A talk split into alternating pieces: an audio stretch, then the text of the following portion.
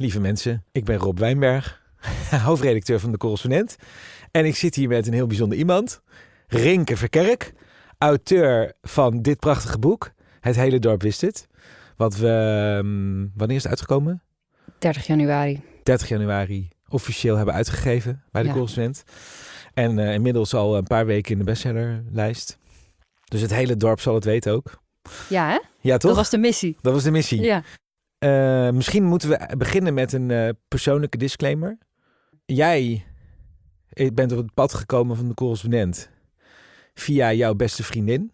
Ja. En je, jouw beste vriendin Is, Is toevallig ook. is toevallig mijn verloofde. Ja. Zo klein is het dorp. Ja, oh, dan krijg je eigenlijk de vlekken van in je nek, hè? Als je, Als je daarover denkt. Ja. Nee, je, dus je kan ook zeggen van dorpen kunnen dus een heleboel goeds voortbrengen. ja, zoals ons contact. Precies. Dat is uitgemond in dit boek. Ja, Ja. Eh, maar wij zitten hier als eh, collega's eigenlijk, Ja. hè? als eh, collega-journalisten. Eh, dus heel professioneel om te praten over dit mooie boek. Begin even met mensen te vertellen die dit boek nog niet kennen, waar het over gaat. het gaat over kindermisbruik, seksueel kindermisbruik. Ehm, het gaat eigenlijk over hoe traumatisch het voor kinderen is, hoe niet de dader maar de, ook, maar hoe de rest met hun omgaat. Dus bij misbruik heb je dader, slachtoffer en de rest. En eh, nou, wat de dader doet is natuurlijk heel, heel schadelijk voor een slachtoffer. Maar wat minstens net zo schadelijk is, is hoe vaak alle andere mensen met het slachtoffer en de dader omgaan. En daar ligt dus heel veel invloed die wij hebben op iets eh, naars. Kindermisbruik is heel naar. Maar wij kunnen dus heel veel betekenen eh, voor de gevolgen daarvan. Dat gaat nu nog soms, of eigenlijk veel te vaak, werkt dat negatief uit.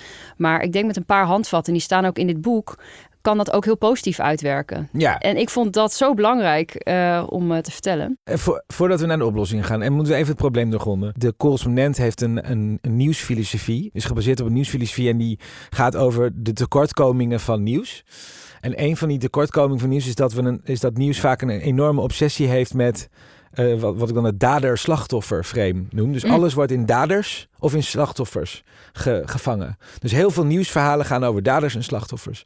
Maar er is dus een blinde vlek. En daar gaat jouw hele boek over. Omstanders eigenlijk. Ja. Het is een blinde vlek die je doorlopend in de media ziet. Want het gaat eigenlijk nooit over de mensen eromheen. Daar ga- gaat jouw boek wel over. Hoe kwam je eigenlijk op het idee om daar een boek over te schrijven?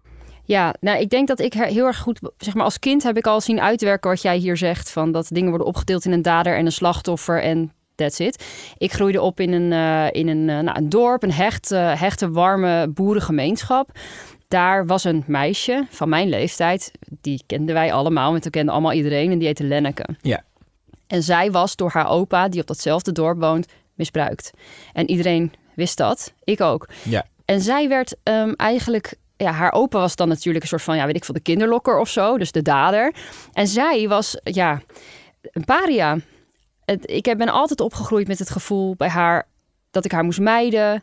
Dat zij een beetje irritant was. Dat ze een beetje aan je vast zou blijven plakken. Je moet haar niet te veel aandacht geven. Ze wil alleen maar aandacht. Ze stelt zich heel erg aan. Vermoeiend. Ehm, wil je zo min mogelijk mee te maken hebben. Ja, dat, dat hele frame. En wij waren, hadden daar verder niets mee te maken. Zo, dat was heel erg goed voelde als kind. Van ja, we hebben wij toch niks mee te maken, zeg maar. Ja. Ja, dat, dat, dat hele omstander, dat was, dat was er niet. Dat was Nee. gewoon hun. Ja, En wij waren, met ons was niks, weet je wel. nee, wij ja waren gewoon, we hadden daar. Ja. En, en omstanders waren eigenlijk gewoon... eh, Neutraal. eh, neutraal. Neutraal, precies. die hadden, dat was niet ons, hadden wij niks mee te maken. En ehm begon al, ik weet het nou zelf, ik schrijf dat voorbeeld ook in het boek op. Ik begin er volgens mij zelfs mee dat ik negen jaar, ja, dat ik negen jaar ben en dan kom ik op een dorpsfeest in de herfstvakantie. En op woensdag is dat het het allerleukst, want dan mochten we pannenkoeken blijven eten. En dan werd de hele vloer van de gymzaal afgeplakt met vijandenzakken. En dan mochten, we hadden al die moeders een pak eh, koopmansgebakken en dan allemaal stapels op de grond. En dan zaten we allemaal door elkaar ook ineens. Het mocht met iedereen ging je ineens om en zo. Een soort hele vrije sfeer. Net als met schaatsen op het ijs. Dat, dan ging ineens, was iedereen vrienden of zo. Ik weet niet wat het was. Nou, en toen eh, wou ik dus, mijn, mijn pannenkoeken waren op van mijn groepje. En ik reik, reikte zo het pannenkoekenstapel van het groepje naast me. En ik werd echt zo ja, solidair bij mijn arm gepakt door iemand. Die zei, die moet je niet eten, dat zijn de zeemlappen van Helene van Dijk. En ik zo, oh. En natuurlijk wil je niet het kind zijn wat zeemlappen eet of zo. Want dat zal vast wel niet de bedoeling zijn. Dus ik deed dat ook niet. Nee, Maar het was haar moeder, Lenneke's moeder. ja. En, Lenneke had echt niet wel. om de kwaliteit van die pannenkoeken. Nee, dat voel je als kind heel goed. Dat je Ja. eigenlijk elke pannenkoek natuurlijk lust. Ja, Dus je voelt van, het is omdat Helene van Dijk die dingen heeft gebakken. Dat wij die niet eten. Ja. En dat is Lenneke's moeder. En wie at de pannenkoeken wel als enige? Ja. Lenneke. Ja, en eh, dit was dan de soort van heimelijke understanding Ja. in die gymzaal Ja. bij iedereen. Maar goed, dit, dit voel je dan op dat moment. Maar ehm, dan zou het nog jaren duren voordat jij als volwassene daaraan terugdenkt en denkt, dat is raar. Ja, Eh, heel lang dat ik zo, dat, hè? Ja, want wa- wanneer, kwam dit? Ja, dus dit kwam eh, voor mij, eh, dat was dus twintig jaar later. Nee, nog meer, want dit was natuurlijk nog eerder. Ik heb uiteindelijk op een fietstocht met haar nog gefietst toen ik 13 was. En toen heeft ze me dus verteld over dat misbruik. Nou, toen 20 jaar na die fietstocht, dus dat is 25 jaar of meer na die pannenkoekenmiddag, heb ik pas beseft van... Wat hebben wij gedaan met haar? Ik was altijd zo druk met wat haar opa met haar had gedaan. Maar wat hebben, wat hebben wij gedaan? Ja, En daar schrok ik heel erg van. En ik denk dat dat ook wel komt doordat ik, ik werd toen moeder. Ik kreeg twee kinderen in korte tijd. Eh, ik was natuurlijk zelf 30. Was ook een beetje, ook een beetje met je eigen jeugd bezig. Van hoe ging dat allemaal en hoe wil ik het doen en zo. En ehm, toen kon ik voor het eerst zien hoe klein zij was. En hoe klein ik was ook, want wij waren even oud.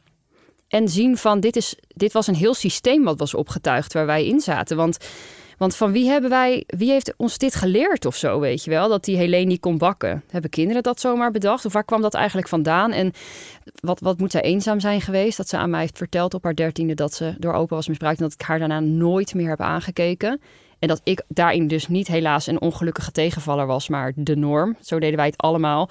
Ik kon toen gewoon heel goed zien, ineens, dat er zorg, dat zij zorg nodig heeft gehad die er totaal niet was. En dat het een soort systeem was waar ik ook aan meedeed. Maar natuurlijk ook, ik had ook niemand om mee te praten over wat ze allemaal had verteld. We zaten samen in een soort sociaal systeem waarin eh, zij aan het allerkortste eind van iedereen trok. ja, dat kan je wel zeggen, ja. Ja, Toen dacht je, ik moet haar opzoeken, Ja. te spreken.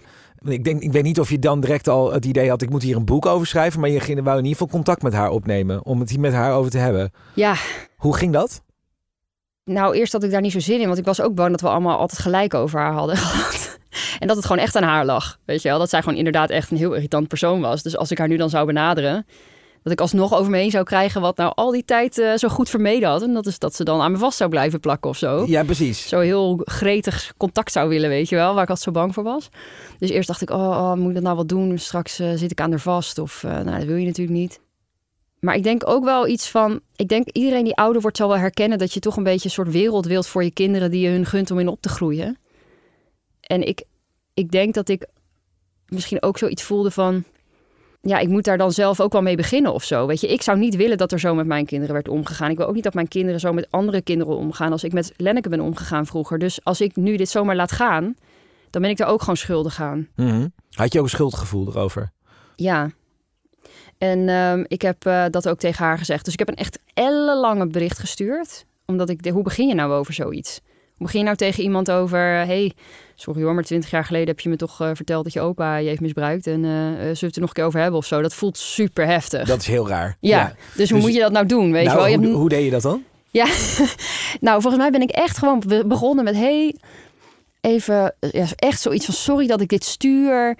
Je hoeft het niet uit te lezen. Een soort disclaimer, echt een rij aan disclaimers. Je hoeft het niet uit te lezen. Je hoeft niet te beantwoorden.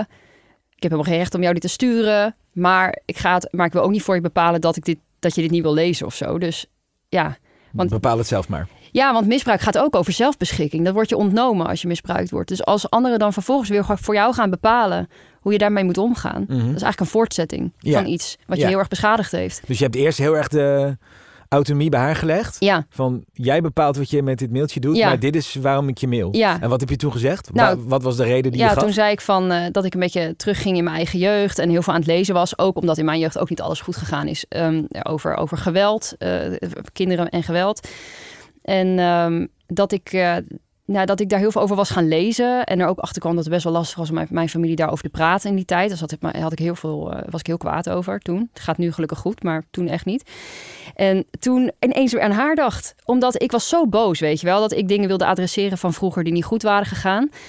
En daar wilde men toen niet met mij over praten. Terwijl ze het wel erg vonden dat ik er last van had. En daar was ik heel kwaad om. Ik dacht, ja, dit kan niet waar zijn. Je vindt het erg dat ik er last van heb, maar vervolgens als jij iets voor mij kan doen om daarmee te dealen, dan weiger je. Ja. Ja, eh, wat koop ik hier nou voor? En toen ik me haar weer herinnerde, besefte ik natuurlijk ineens Dat ik precies had gedaan wat ik anderen zo kwalijk nam op dat moment. Ja. En dat is gewoon wegkijken. Negeren. Ja. Gewoon pff, irrelevant, succes ermee. Jammer voor je, vervelend, succes. En dus eh, ik denk misschien dat ik het ook wel nodig om eh, te laten zien dat het anders kan of zo. Maar ik heb haar dat best wel eerlijk verteld gelijk. Van oké, weet je, ik ben hier heel veel mee bezig. Komt ook door mijn eigen verleden. Ik dacht toen ineens weer aan jou. En ik ben gewoon heel erg geschrokken van hoe wij met jou zijn omgegaan. En hoe reageerde ze? Nou, toen ehm, vertelde ze me later, dus live was het zo, dat ze op haar werk was. En dat ze dat bericht binnenkreeg, want zij werkte toen s'avonds. Ze- En, en eh, ze kreeg het bericht binnen.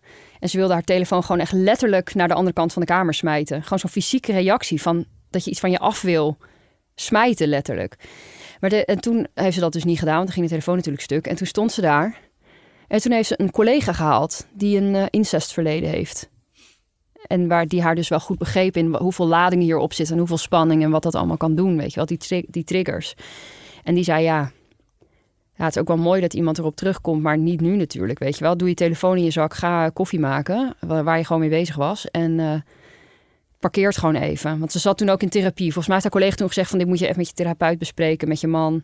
Je hoeft helemaal niks terug te sturen nu. Maar Lenneke kennende, zo ken ik haar nu ook, zo is zij gewoon niet. Zij heeft mij diezelfde avond nog teruggeappt en gezegd... ehm, ik heb je bericht gelezen, poe, je overvalt mij. Ik moet het even laten bezinken. Oké. En zo, dat is haar ten voeten uit. Zo, eh, toch wel zo attent of zo. Altijd haar verantwoordelijkheid nemen voor een situatie. Dat Om jou zij. dat te laten weten, direct. Ja. In plaats van jou eh, in het ongewisse te laten. Wat natuurlijk haar volkomen eh, vrij stond om te doen. Ja. Maar zo is zij gewoon niet. Ja. En toen, toen zei ze op een gegeven moment, ik wil wel met je praten. Ja, toen heeft ze twee weken later nog een appje gestuurd. En toen zei ze, nou, ik, eh, ik heb er eigenlijk geen zin in. Maar ik weet ook dat ik van dingen waar jij nu over begint... hoe met mensen met mij zijn omgegaan, niet opa, maar de rest... dat ik daar nog het meeste last van heb. En mijn therapeut denkt dat het me toch wel kan helpen om ehm, te praten. Dus het was eigenlijk ook eh, misschien een therapeutisch iets voor haar om, het, om dit verhaal eens een keer te vertellen. Ja, ik denk dat haar therapeut, die, die, had- ja, die heeft haar heel erg aangemoedigd van ga maar tegen iemand zeggen die blijkbaar nu gewoon wil erkennen dat, hoe dat gegaan is. Ga maar eens tegen die persoon zeggen hoe dat voor jou geweest is. Geef maar, ge- geef maar stem, weet je wel, die jou is ontnomen. Geef maar stem aan jouw verhaal. Mhm. En nu wil iemand luisteren en dat heb je niet gehad. En zat je daar dan in eerste instantie als gewoon iemand die ehm, luistert naar dat verhaal? Of zat je er ook al als, eh, Nee, ik zat er ook een beetje als journalist. wel als journalist? Maar dat heb ik Ja. gelijk benoemd, ook in al dat eerste bericht wat ik haar stuurde. Want ik dacht, ja, ik kan natuurlijk niet zeggen... hé, hey, ik wil gewoon puur koffie drinken... en dan daarna zeggen, "Mm, zullen we er een verhaal over maken? Nee, nee, dat heb je dat is niet eerlijk. aan- Nee, precies. Want als het echt zo gaat, dan is dat eerlijk. Maar ik was al om, vanuit mijn eigen proces bezig met... Ja, dat heb je dan toch soms. Dan zit je ergens in, in zo'n soort van... Dan gaan vallen van die schellen van je ogen... die echt bij duizenden voor jou ook al een keer van hun ogen zijn gevallen. Maar op het moment dat ze van jouw ogen vallen... denk je dat je de enige bent die dat allemaal zo ziet. Dat had ik heel erg in mijn eigen proces over omstanderschap. Dus ik dacht, oh, weet je, want niemand... Wat, wat, een ongelooflijke blinde vlek in de samenleving. Ik moet hier echt iets over schrijven en zo. Daar was ik zelf heel erg. En toen dacht ik aan Lenneke. En toen dacht ik, kon ik meteen heel goed zien van... dit kan mogelijk een heel waardevol verhaal zijn om te gaan vertellen. Dit is misschien wel een verhaal om het verhaal te vertellen wat ik wil... wat ik ook, zeg maar, te, wat ik ook wil vertellen over omstanderschap. Ja, Maar- want wat is dan de schel die, de, die je van je ogen viel? Dat eigenlijk eh, wij Dat de mensen, ja? dat dingen die we heel erg vinden... in plaats van dat we er naar kijken zodat we er iets aan kunnen doen... kijken we weg en doen we niks. Mhm. We doen gewoon alsof het er niet is... en daarmee maken we het probleem wat we willen bestrijden erger. We liegen tegen onszelf. Ja, precies. En dat eigenlijk eh, de, ehm, dat massale de andere kant op kijken, dat is eigenlijk een eh, heel groot onvertelde maatschappelijk fenomeen Ja. eigenlijk. Ja. Ehm, en zie je die trouwens, want die zie je natuurlijk rondom eh, seksueel misbruik, maar zie je die nu ook om andere dingen? Zie je het overal? Of eh, Ja, is het vooral op dit gebied? Nee, jij hebt natuurlijk net als voorbeeld ook al de media.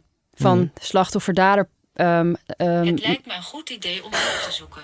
Wil je dat ik op het web ga zoeken naar Centrum Seksueel Geweld? Oh, nou. de- dat de- lijkt mij een hele goede tip. Siri eh, proactief. Nee, nee, nee, nee, nee, dat hoeft niet. Siri die gaat gewoon eh, proactief eh, hulp voor ons zoeken. Misschien heeft hij de website van de correspondent gelezen... waar inmiddels onder al, al mijn deze- stukken staat... dat je Centrum Seksueel Geweld kan benaderen... Ja, als, precies. als je jezelf hierin herkent, ja. Het is echt wel de beste tip die Siri had kunnen bedenken voor ja, dit toch? onderwerp. Ja, dit was een, go- een goede interventie in het Ja, gesprek. Ja. Ik vind het leuk, leuk opgegooid. ja. Ehm, Eh, ja, dus de, eh, de, me- de blinde vlek eh, bestaat ook in de media. Dat het over daders en slachtoffers gaat. Dat zeg het jij. Dat is natuurlijk prettig, want als journalist kan je dan dus ook zeggen van... kijk, hier is de bad guy. ja die nou, fout. Die, ja, die is fout. Die kan ik niet helemaal iets aan doen, maar ik heb hem wel gepinpoint. Ja. En ik heb hem aangewezen. Ik heb hem helemaal onderzocht. Aangeklaagd. Aangeklaagd. En ik heb erover geschreven. En nou, dit is dus de bad guy. Dus die heeft iets slechts gedaan, maar die heb ik nu geadresseerd. En dit zijn de slachtoffers. En die ga ik ook aandacht geven. En, en, maar, die, die hele, maar dat is niet het systeem. Maar ja, dan heb je dus weer een soort van NS1 eh, verhaal verteld. Van een soort, ja, empirisch stelt het niets voor. Want het is, het is één geval. Of je kan ook nog wel, natuurlijk zijn journalisten veel beter dan dat. Ze leggen heel vaak causale dingen en hele, hele procesmatige problemen neer. Maar het systeem bestaat toch echt uit alle mensen die er onderdeel van zijn. Ik vind dat nu ook bijvoorbeeld bij de NPO. Ik wou zeggen, want eh, dit, dit actuele, tussen aanhalingstekens, haakje drong zich natuurlijk een beetje op. Want eh, nu komen al die rapporten Ja, over eh, nou, intimidatie en eh, op de werkvloer bij de NPO. En dat Ja. gaat volgens mij ook voor best wel een groot deel over. nou, je hebt dan, het gaat dan over de daders en slachtoffers. Ja. En dan gaat het vooral over de bekendste daders. ja en dan hebben ze de bystander training voor de rest. ja, Nu inge- in het leven geroepen. ja, en wat vind je daarvan als je dat ziet? En je met deze kennis, met dit boek ernaar kijkt? Ja, ik vind dat heel lastig, want ik heb dus bij altijd dingen heel snel het gevoel van... mm, ik, ik heb alleen maar alle stukken hierover gelezen. Want de Volkskrant heeft natuurlijk heel veel goede stukken over gemaakt. En uh, dat hele rapport is nu gemaakt door, uh, door Van Rijn, de commissie van Rijn en zo. Maar dat heb ik allemaal wel gelezen en ik heb alle interviews gezien. Maar toch denk ik dan van, ik zou er zelf ook wel even een maandje willen rondlopen en het een en ander willen vragen. Ik vind het lastig, ik voel me niet helemaal vertrouwd om er iets over te zeggen. Maar wat me opvalt, wat ik, wat ik dan zou willen vragen, is...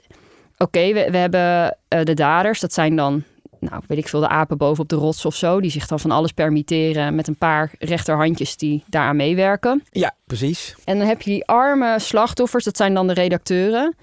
En dat is, dan wordt dan een hele homogene groep gemaakt. En dat vind ik bijvoorbeeld al vreemd. Want ik kan me wel voorstellen dat als je net van je opleiding komt... en dit is bijvoorbeeld je eerste baan of zo... dat, dat, dat je dan heel kwetsbaar bent en misschien niet zomaar in verweer komt.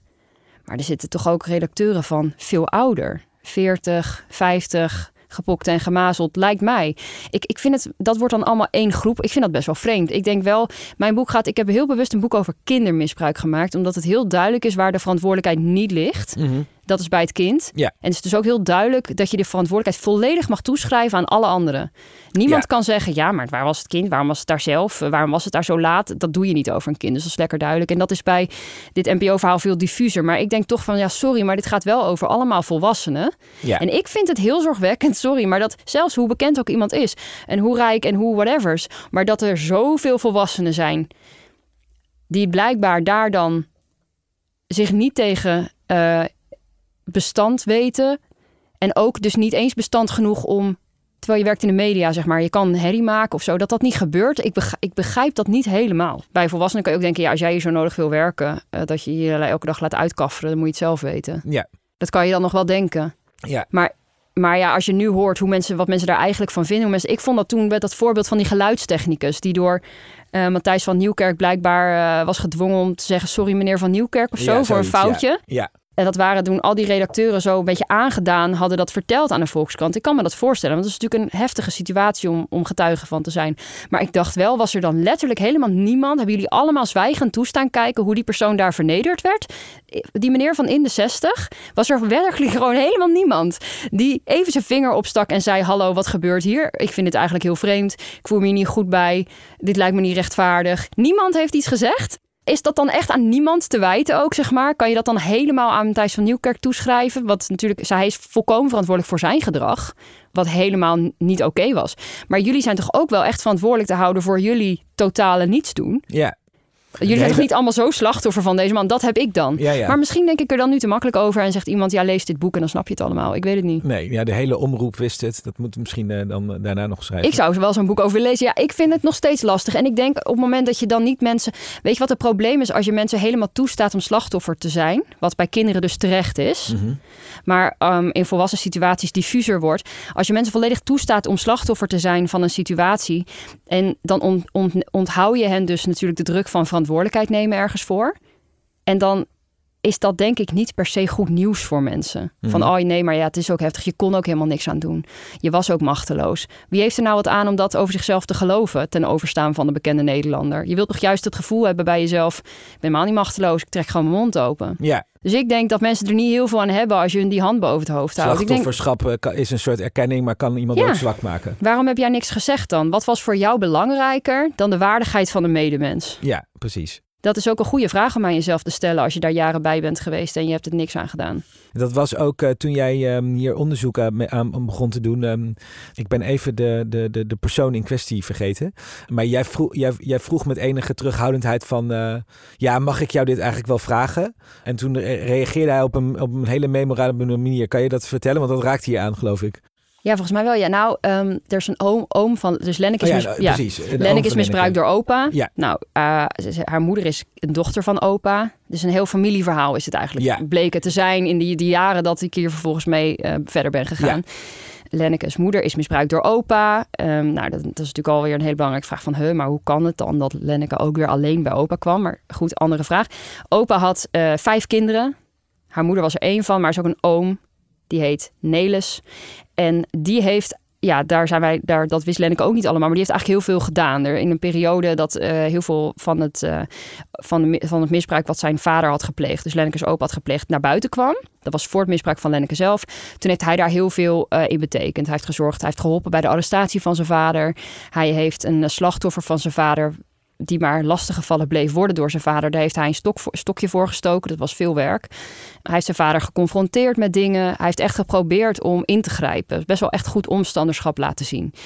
En, maar goed, dit wist ik allemaal toen nog niet. Dus het enige wat ik wist was, toen ik hem benaderde...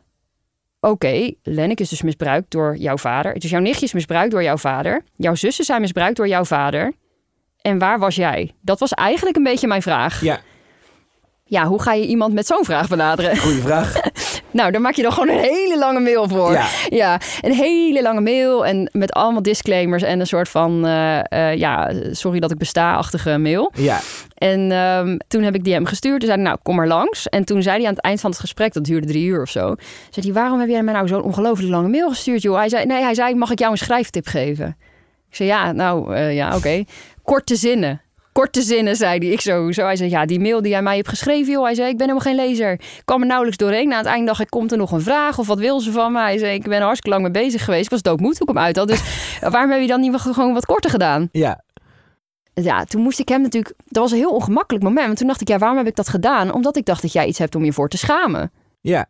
Dat was eigenlijk waarom die zo lang was. Dat Ja. probeerde ik soort van te verhullen of zo. Ik weet ook niet. Maar ja, dat ga je natuurlijk niet iemand zich... Dat had ik hem misschien ook wel achteraf gewoon moeten zeggen. Dat ik, want dat is natuurlijk mijn verhaal. Dat gaat, zegt niks over hem. Nee, Dat is mijn aanname. ja. Maar ik durfde dat niet te zeggen. Dus ik zei eh, iets over... Ja, ik heb toch niet het eh, recht om eh, zomaar naar jouw verleden te vragen. Ja. En, toen, zei hij... En waarom heb jij dat recht niet? Het gaat toch over jouw medemens? Ja, En dat, dat deed me zoveel. Ja. Omdat ehm, hij op het dorp nog steeds wordt aangekeken op de daden van zijn vader. Mensen ook niet weten hoeveel hij heeft gedaan om de troep die zijn vader heeft veroorzaakt op te ruimen en te begrenzen. Hij wordt er nog steeds op aangekeken en dan kan hij dit tegen mij zeggen. Dus dan denk ik, jij bent echt een hele grote. ja. En het is eigenlijk bijna, zou het een soort van, eh, misschien wel de boodschap van dit boek kunnen zijn van het, is- het is toch jouw medemens? Ja, je hebt dus- het recht, want het is je medemens. Ja. Precies, om er iets eh, Ja. over, over, over te vragen en Ja. eh, naar te informeren. Waarmee hij mij dus ook nog eens, dat vond ik ook zo mooi, totaal het voordeel van de twijfel gaf over mijn intenties. Ja. Want ja, het is toch jouw medemens, daar, zit dus, daar, daar dichtte hij mij de intentie betrokkenheid mee toe. Ja, dat je het eh, eh, met goede bedoelingen voor Ja, Lenneke deed en niet om hem eh, Ja. te, eh, het zwart te maken. Ja. Of, eh, ja, precies. je geeft toch om een ander, dan Ja. mag je toch ook, dan mag mag je toch vragen, vragen. stellen. Ja. Aan de omgeving. Ja. ook. ja. Welke universele dingen heeft jou deze persoonlijke familiegeschiedenis nou eigenlijk geleerd? En wat, welke, wat moeten wij daar als samenleving van leren? Zijn er van die lessen? Ja, ik denk wel een van de dingen die het me heeft geleerd, had ik het vandaag nog met iemand over. Ik sta gewoon nergens meer van te kijken. Dat is niet leuk om daar door, door, dat, door die tunnel te kruipen, om dan aan de andere kant er weer uit te komen. Maar het is eerst een soort van totale desillusie met de wereld waar je doorheen gaat. Van als één op de als zeg maar per basisschoolklas één slachtoffer zit. En dat aantal loopt op als kinderen ouder worden. Dus er zitten er in een klas van 16-jarigen zitten er 2 tot 3,5. En de dader is bijna altijd een bekende. Dan ken jij dus daders en slachtoffers. En dat is in elke, zeg maar, het milieu maakt niet uit. Of, of de religie, of de cultuur, of stad, platteland, maakt niet uit. Het is Nee, overal we even hebben erg. een beetje een soort eh, kerkelijke eh, associatie. Misschien ook door de, de grote misbruiksschandaal in de Ja, eh, katholieke kerk. Ja. En misschien een beetje een soort bijbelassociatie. Maar jij kwam erachter, dit komt overal voor. evenveel voor. Ja, en ook in alle milieus. Ja, hoog intellectueel, cultureel totaal ontwikkeld, urban, seculier, net zo erg. Oh ja. En ehm, Dus eigenlijk eh, punt 1 was hoe wijd verspreid het eigenlijk is. ja, en dus daarmee ook, ehm, dat, dat is een soort van eh, dubbele... Wat ik daaruit heb meegekregen is, denk ik, eerst werd ik daar heel, ehm, heel eh, hopeloos van. Van, oh, weet je wel, deze wereld is gewoon zo verrot. En ik heb hier kinderen opgezet. En wat, wat dacht ik, weet je wel, wat een, wat een hel eigenlijk dit. En je kan niemand vertrouwen, maar ja, dat is een soort proces of zo. Dat, dat- dus eerst wordt alles heel zwart en heel naar en overweldigend. Maar daarna kwam ik er ook achter van... hé, hey, maar wacht heel even. Dat, dat valt eigenlijk wel mee. In die zin van, we kunnen dit heel goed behandelen. Kinderen ook, ook kinderen die dit mee... Oké, je kan je kind niet waterdicht beschermen, maar... Je kunt kinderen hier goed voor behandelen. We zijn echt heel goed in het behandelen van kinderen. Als er maar goed omstanderschap om die kinderen heen staat. Daar gaat het de hele tijd maar over. Goed omstanderschap, goede behandeling. En je kind leren dat deze wereld één grote vertiefde, ellendige berg van eh, onmenselijkheid is. Is natuurlijk nog schadelijker dan hem blootstellen aan een soort van aanwezig risico. Ja, Hè, je kan je kind wel binnenhouden en heel bang maken voor alles en iedereen. Maar daar wordt het kind sowieso beschadigd van. ja. Dus, dus, dat, dus wat ik nu heb is een soort heel vrij gevoel in dit opzicht van ik weet wat er te koop is. Het is niet, niet altijd mooi, maar ik weet ook dat het niet het laatste woord heeft. Want ehm, als het misgaat, dan weten we heel, kunnen we het heel goed behandelen. En als we goed omstanderschap aan kinderen geven die beschadigd worden, dan kunnen zij heel ver genezen en een heel mooi leven leiden. Ook al hebben ze iets ergs meegemaakt. Dus dat is een soort van vrijheid die ik heb gevonden hierdoor. hierdoor. Wat Mhm. eerst oncomfortabel was, maar nu dus heel erg fijn. Want ik kijk niet meer weg. Ik kijk het aan. Maar ik weet ook dat het niet het laatste woord heeft. Ik denk dat dat voor mij een hele grote is geweest. En wat, wat is dan goed omstanderschap? Hoe ben je een goede omstander? Ja, want daar gaat het dus inderdaad gaat- ja, constant, over. constant over. Omstanderschap is heel groot. Ja. Nou, een goede omstander is dus iemand die ehm, niet de werkelijkheid ontkent. Maar gewoon, dus als, als iemand een verhaal aan jou wil vertellen over wat hij heeft meegemaakt. Wat niet leuk is om te horen. Dan is, begint goed omstanderschap met aanvaarden. Dat, dit misschien, dat, dit, dat het heel goed kan zijn dat het waar is. Of dat het waar is wat iemand vertelt. Of dat er gewoon heel, dat er inderdaad narigheid te koop is. En dat, dat het hele grote kans is dat degene tegenover jou dat ook heeft meegemaakt. En doen de meeste mensen Nee. dat niet? Oh, wat, wat is dan een mag gebruikelijke reactie? Maar ik krijg nu nog steeds dagelijks echt. Ik word over, overladen met mails van mensen die dus zich heel erg herkennen in het boek. Het hele dorp wist het. En die, ja, die vertellen van alles. Ze vertellen aan hun moeder dat de oom hun hun heeft eh, verkracht tijdens een eh, logeervakantie vier jaar geleden. Ze durft het eindelijk te vertellen. En moeder begint te schreeuwen als ze nog maar halverwege het verhaal zijn. Dit is niet waar, dit is niet waar, dit kan niet waar zijn. En, en, eh, en je houdt er nu over op. En dat kind, het is dertien en die denkt nou dan... Dan hou ik er maar weer over op. En eh, nou, oom komt weer op verjaardag. We gaan weer naar oom toe. Het is allemaal heel leuk, heel gezellig. Eh, moeder hoort het kind achteraf praat er wel over met zussen. Over hoe moeilijk het voor moeder is dat dochter dat gezegd heeft. Hè? Zussen vinden de kiezen kant van moeder. Het slachtoffer zegt, nou, ik vind het eigenlijk niet zo leuk dat ze niet met mij praat, maar wel met jullie. Nou, dan heeft ze het weer gedaan. Het, het, gewoon eindeloos. Deze ontkenning is Ja. gigantisch. Ik vroeg op een gegeven moment aan Richard Korver, dat is een strafrechtadvocaat die heel veel zedenzaken doet. Echt heel veel zedenzaken, duizenden. Ik zei, kan jij mij nou voorbeelden geven van cliënten die jij gehad hebt, slachtoffers, die goede omstanders om zich heen hadden? Want ik dacht, ja, ik spreek natuurlijk wel echt veel minder mensen hierover dan jij. Ja, Zei hij, nou eerlijk gezegd, komt dat niet heel veel tegen. Dat is wel een vrij treurige conclusie. En eh, dan Ja. ook wel goed dat er dan een- misschien een, eh, lesboek ligt voor hoe dat dan wel kan. Ja, en dat begint dus inderdaad met als iemand die dat vertelt, gewoon het kunnen verdragen. Dat dit inderdaad gebeurt in jouw omgeving. Dat er in jouw omgeving misschien wel een dader is die een kind heeft misbruikt. Dat er kinderen zijn die dit hebben Ja, dus niet gaan, meegemaakt. eh, direct gaan ontkennen Nee, of, of, eh, gaan, doen van, oh wat erg voor mij dat jij dit aan mij vertelt. Dat ik dit nu moet horen, weet je wel. Oh, oh, ik heb zoveel emoties. Gaat het heel even niet over. Ga je zomaar even met iemand anders mee dealen. Ja, Toch? Ja, Gewoon even, even luisteren. ruimte, ruimte maken Ruimte voor maken. dit kind. Dit kind heeft zoveel moed moeten verzamelen om dit te komen vertellen. Maak gewoon ruimte voor dat verhaal. Want anders voelt dat kind zich weer schuldig. Die denkt dan van... Oh, ik had het niet moeten zeggen, want nu is die weer verdrietig. En nu is die overstuur. En dan worden ze straks nog wel boos ook, weet je wel. Op degene die het heeft gedaan, maar dat bedoelde ik helemaal niet zo. Kinderen willen niet zich schuldig voelen over ellende voor anderen. Die Nee. willen iedereen naar de zin maken. En daarom houden ze vaak hun mond. Dus als ze dan gaan praten...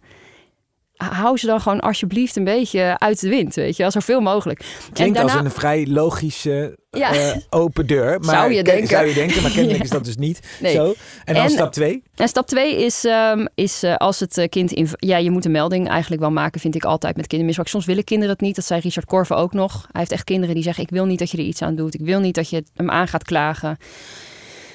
Maar En waarom willen kinderen dat niet? Omdat ze dan... eh, ja, die vinden het zielig voor de dader. Of die, zijn, die krijgen ook leuke dingen van de dader. Bijvoorbeeld een konijn of eh, aandacht. En dan zijn ze dat ook kwijt. ja, En soms denken kinderen, ja, die nemen toch het misbruik een beetje op de koop toe, omdat ze het zich niet kunnen permitteren om de leuke kant van het contact met de dader te verliezen. mhm. Dat is natuurlijk super verdrietig. Want dan zijn ze verder dus blijkbaar ook heel erg arm in hun in de steun om hen heen, weet je wel. Dat weten daders ook. Die kiezen heel slim kwetsbare kinderen uit. Nou, wat je dus eigenlijk moet gaan doen is een melding maken, maar dat hoeft niet meteen ehm, eh, officieel. Dus je kan gewoon of een inform- informatief gesprek met de zedenpolitie gaan voeren. Dan maak je geen melding, geen aangifte, maar je vraagt wel aan mensen met heel veel kennis van deze situatie. Wat is nu de beste vervolgstap? Of je gaat naar Centrum Seksueel Geweld. Kom er maar in, Siri. Ja. ja. Ehm, en dan ga je bellen en dat kan gratis, anoniem, eh, alles, chatten kan ook. En dan zeg je, oké, dit is mij ter oren gekomen of ik heb dit vermoeden. Ik heb dit gezien, dit zag er niet fijn uit. Wat eh, is nu wijs om te doen? En dan gaan daar gewoon mensen, daar zit de zedenpolitie, veilig thuis, eh, de hulpverlening en de forensische kindergeneeskunde onder één dak. En die gaan dan gewoon in jouw situatie kijken. Want van oké, wat is nou in het belang van het kind? En de veiligheid van het kind en het welzijn van dit kind het beste om te doen. En dat moet je gewoon doen. Want wat in mijn boek heel duidelijk wordt, is dat als mensen dit zelf gaan oplossen, ook als ze hun best doen, het is nooit genoeg. En daarom moet gewoon aangepakt worden. En daar heb je professionals voor nodig. En het web, waarin een dader en slachtoffer met z'n tweeën zitten. En ook, dat zie je bijvoorbeeld dan bij de NPO, ook omstanders heel in verstrikt in kunnen raken, is heel sterk. En je hebt gewoon mensen nodig met kennis van zaken om daar mee te dealen. En dat lukt niet als je denkt, we lossen het wel even op binnen de vereniging, of binnen de familie, of binnen de kerk, of binnen de school. Dat is nooit genoeg. Je moet gewoon, gewoon grof geschut Hulp. op. Hul- hulp vragen ook vooral. Ja, Ja, professioneel. ja, professioneel hulp. En, En dan de laatste is, wou zeggen? ja, je moet blijven voor slachtoffers. Dus in elke fase van het leven van slachtoffers kan het weer opspelen, het misbruik op een andere manier.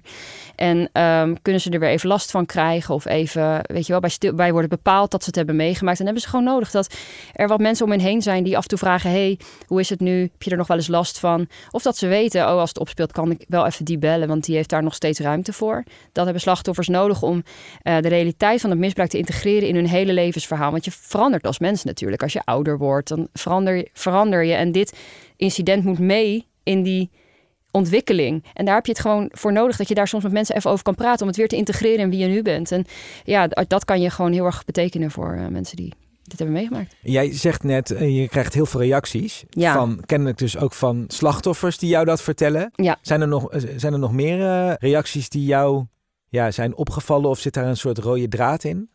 Nou, ik vond van slachtoffers wel heel ontroerend dat er, dat er best wel wat waren die mij mailden van... ik vind het fijn om je boek te lezen, omdat ik voor het eerst denk dat het niet uit ongeïnteresseerdheid in mij was dat mensen niet hebben geholpen. Dus die hebben het allemaal opgevat als zie je, ik doe er niet toe. Mensen vinden mij niet belangrijk, daarom doet niemand iets. En door het boek dachten ze voor het eerst...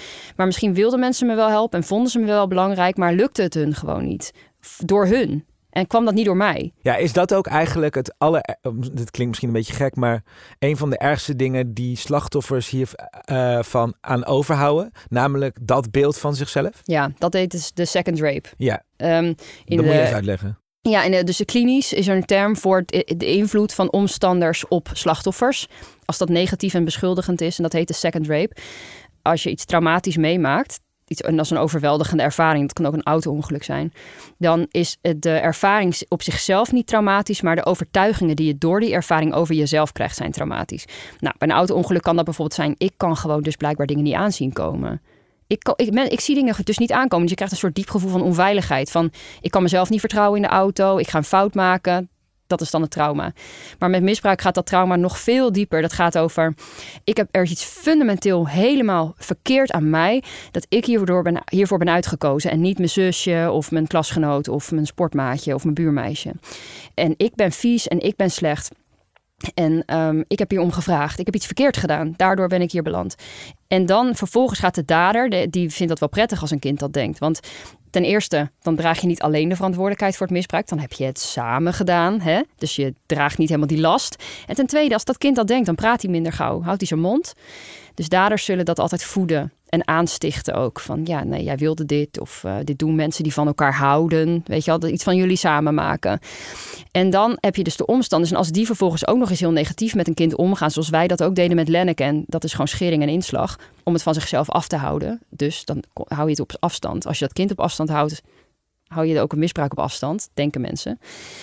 Ja, dan denkt iedereen dat dus. Dus dan zal het wel echt zo zijn. Dan ben jij waarschijnlijk echt slecht en echt schuldig. Ja, en dan is je hele omgeving één lange, één grote bevestiging, van alles waar je bang voor was. Ja, En dan eh, wordt dat, gaat dat, ga je dat heel diep geloven over jezelf. En dan ga je dus heel erg aan jezelf twijfelen. Je gaat een hekel aan jezelf krijgen. Je gaat hele lelijke dingen over jezelf denken. Dat kan soms zo schadelijk zijn. En mensen persoonlijkheidsstoornissen ontwikkelen. Als gevolg van, dit, eh, van deze beschadiging. Dus daar, het heet de second rape. Omdat de impact van het omstanderschap eigenlijk hetzelfde is. Als de impact van het misbruik. En soms versterkt het het zelfs nog veel meer.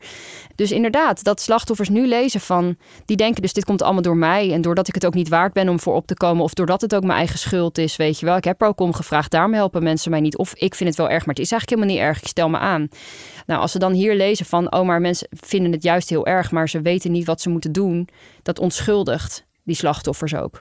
Dus er zijn slachtoffers die door het lezen van het boek... voor het eerst in hun opgekomen is... dat het niet door hun kwam, dat niemand hun hielp. En dat is heel groot, want dat zet dus eventjes een soort van... eh, ja, dat, dan, dan ruk je een paar van die wortels van die zelfbeschuldiging uit. En dat is het trauma. ja. Dus dat vond ik heel ontroerend. En medesta of omstanders Nou, dat die... is ook wel genezend. Ja, Dat is wel eh, Ja.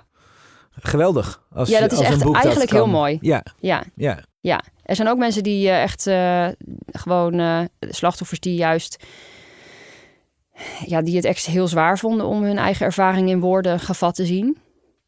Want als het, er, als het echt zo was hoe jij het gevoeld hebt... dan kan je voor het eerst denk ik ook pas echt toelaten wat het met je heeft gedaan. Mm. Want als je altijd nog de mogelijkheid hebt van... maar misschien klopt mijn beleving niet. Slachtoffers negeren het misschien ook. Ja, Die je- lopen er ook omheen. ja want, want als je vervolgens geen hulp krijgt of wat dan ook om het aan te gaan... dan kan je maar beter een beetje vermijden ook, weet Ja. je wel. Als het te veel is. Ja, kan je beter ook maar een omstander Ja, worden. van, je, eigen, leed. Ja, ja. ja. Ja, dus er zijn ook wel echt slachtoffers die hierna nog wel eh, zeiden van ja, ik moet hier gewoon echt een paar dagen van bijkomen. Ik, eh, ik ben er echt helemaal kapot van. Ik denk, dat heb ik met Lenneke ook meegemaakt. Op het moment dat je gaat erkennen wat iemand heeft meegemaakt, voelt het eerst erger.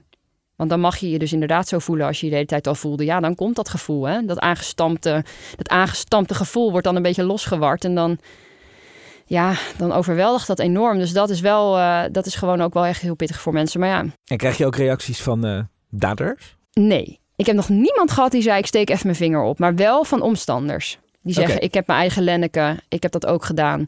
Mensen die terug zijn gegaan naar iemand uit hun jeugd. Of ergens op zijn teruggekomen binnen hun familie.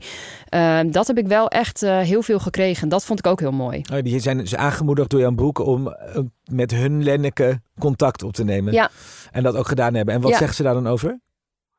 Ja, vooralsnog staat het eigenlijk allemaal uit. Ik heb nog niemand die vervolgens weer bij me teruggekomen is en heeft gezegd ik heb het gedaan en dit is hoe het Oké, ging. nee, maar ik ga het doen. Ze zeiden allemaal, ja, er zijn echt best wel heel veel gegaan. Oh ja, ik ga iemand benaderen of ik, ik, eh, ik heb iemand een berichtje gestuurd of eh, ik heb een, met iemand afgesproken. Eh, of ik ben heel erg bezig met, ik heb dit en zo gedaan. Hoe zal ik het nou eens aanpakken? Want ik wil dat heel graag gaan adresseren. En ehm, je krijgt ook reacties van professionals. Ja. Wat zeggen die? De, eh, nou, wat ik een beetje ontmoedigend vond, was dat er echt best wel wat professionals waren die zeiden dat ze heel veel van mijn boek hadden geleerd. Oh ja. Je zou toch dacht, denken, Hé, jullie zijn toch de experts? dit zou toch een beetje just another day at your office moeten zijn. Ja. Zeg maar. Dat je denkt van fijn dat iemand het opschrijft voor een groter publiek, maar I know. Ja, maar dat viel dus tegen. Nou, dat was er ook, maar er waren ook echt wel mensen. Ja, het is wel Wat hadden gek. ze geleerd dan? Ja, om zich beter in de beleving van hun cliënt te kunnen verplaatsen. Hoe het in, in de beleving van een Lenneke of misschien de, of een Helene, weet je wel, met een kind eh, in zo'n, eh, ja, waarin je dat generationele krijgt. ja. Dat de moeder deels ook verantwoordelijkheid had moeten nemen en dat is niet gelukt. Maar ook zelf slachtoffer is, dus hoe moet je daarmee omgaan en zo. Maar ik denk toch wel ook het begrijpen van eh, hoe het is voor slachtoffers om in een omgeving te leven die je niet erkent voor wat je hebt meegemaakt en je niet onschuldigt en niet steunt. Dat ze daar meer begrip voor kregen. Nou, ja, te gek natuurlijk dat ze dan ook een boek willen lezen om het te begrijpen. Dat is helemaal top. En ook hartstikke leuk dat ze het laten weten. Maar Ja. ik dacht wel van, oh, ik had dat niet verwacht. Maar ook eh, bijvoorbeeld, nou, eh, commissie Mariette Hamer, daar, die wil eh, praten, kennismakingsgesprek. Ja, dat is, Vond de wel, commissie, dat is de commissie die, van, van de overheid die... ehm, Ja, dat is een nationaal commissaris seksueel grensoverschrijdend gedrag en het. seksueel geweld. Ja. En ik heb al haar rapporten uitgespit voor dit hele onderzoek. En die wil je jou En nu wil ze als, met mij eh, praten. ja, ja, dat- Ja. Dus dat is wel leuk. Ehm, impact. En eh, hoe vindt Lenneke het? Ja, Lenneke die kan gewoon... Ik, dat vond ik heel... eh, ook weer zo... Even zo'n reality check. De eerste periode dat ik bijvoorbeeld een paar postjes had gedaan op Instagram over mijn boek toen het uit was en zo. Mhm. En mensen reageren dan heel warm van wat dapper van Lenneke. En wat, weet je wel, dit had, had toch nooit mogen gebeuren. En nou, dat, dat kon zij gewoon niet geloven. Zij dacht gewoon van ja, wanneer, komt nou, waar, wanneer komen nou de echte reacties? Wat loopt ze te zeiken? Waar moet ze hier nou weer over beginnen? Het viel toch allemaal wel mee? Zij dacht echt, wanneer komen die nou, die echte reacties die, Ja, die ze, die ze kent? die ze kent. Ja, die ze waar ze gewoon al twintig jaar zeg maar mee moet leven. Ja, maar die kwamen niet. Nee, die kwamen niet. Nou, dat heeft, dat, Ja, ik, denk jij? misschien omdat, ja, dat is het ook weer niet eerlijk, maar omdat ik het heb geschreven en niet zij. Ja, dan heb ik natuurlijk een soort van, soort van keurmerk van, van erkenning van het leed of zo. ja. Waardoor ze haar niet meer kunnen wegzetten als aandachtstrekker. Misschien Nee. dat dat wel de filter is. Dat is niet eerlijk, want dat zou natuurlijk niet moeten. Nee, ze zou eigenlijk die reactie ook al hebben moeten krijgen toen Ja. ze het zelf eh, zei. Ja, Ja. maar je, je gooit alles op een hoop, je vecht allemaal bij elkaar, je gooit er onderzoek bij. En dan klopt het verhaal natuurlijk, wat Ja. altijd al klopte. Maar Ja. je hebt er even heel veel bewijslast aan, aan, opgehangen. En, en er staat iemand verder vanaf die het dan erkent of zo. Misschien dat dat dan toch. Maar ik denk ook omdat ik het opgeschreven heb als omstander. En uiteindelijk is de meerderheid van de mensen natuurlijk een omstander. Geen slachtoffer en geen dader, gelukkig maar. Ja, De meerderheid van ons is- zijn niet misbruikt en hebben niemand misbruikt. En ik ben ook zo iemand. En ik denk misschien dat het toch ook makkelijker voor mensen is om dan met mij mee zo'n verhaal in te gaan. Omdat het wat dichter bij hunzelf staat als omstander. Dat dat misschien ook scheelt. Dat is dan misschien, dat, dat is misschien een wat vriendelijkere uitleg. ja. Maar dus zij was verbaasd en is ze ook... Nu langzaam went ze er dus aan dat er nog steeds niks naars gekomen is. En haar hele zenuwstelsel, die zo de hele tijd op scherp staat van wanneer komt het, wanneer komt het, die begint nu zo van oké, nou er is nog steeds niks gekomen. Dus misschien...